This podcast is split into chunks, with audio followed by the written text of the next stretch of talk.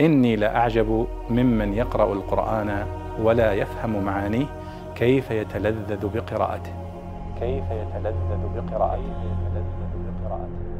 يقول الله سبحانه وتعالى عن هؤلاء الكفار في الآخرة قال لقد تقطع بينكم وضل عنكم ما كنتم تزعمون. ما معنى لقد تقطع بينكم وفي قراءة أخرى لقد تقطع بينكم.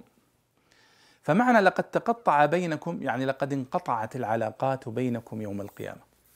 هؤلاء الكفار يأتون يوم القيامة الذين بينهم قرابة وبينهم وبين الآخرين علاقات وقرابات فإنهم ينكرونها يوم القيامة ولا يعترفون بها وكل يفر من الآخر. يوم يفر المرء من أخيه وأمه وأبيه وصاحبته وبنيه.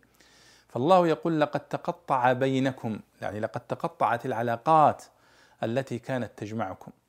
وفي القراءة الأخرى لقد تقطع بينكم. البين هنا من الكلمات التي تستخدم كأضداد تقطع بينكم العلاقات التي آه، تجمعكم وتقطع بينكم أي تقطعت الأواصر الصلة التي تصل بينكم يوم القيامة.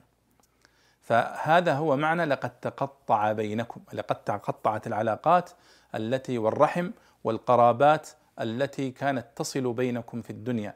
وهذا أيضا إشارة إلى ما يحدث يوم القيامة من مثل هذه المواقف وهي أن ينكر القريب قريبه وينكر الأخ أخاه وينكر صاحب العلاقة وصاحب الصلة وصاحب القرابة قرابته.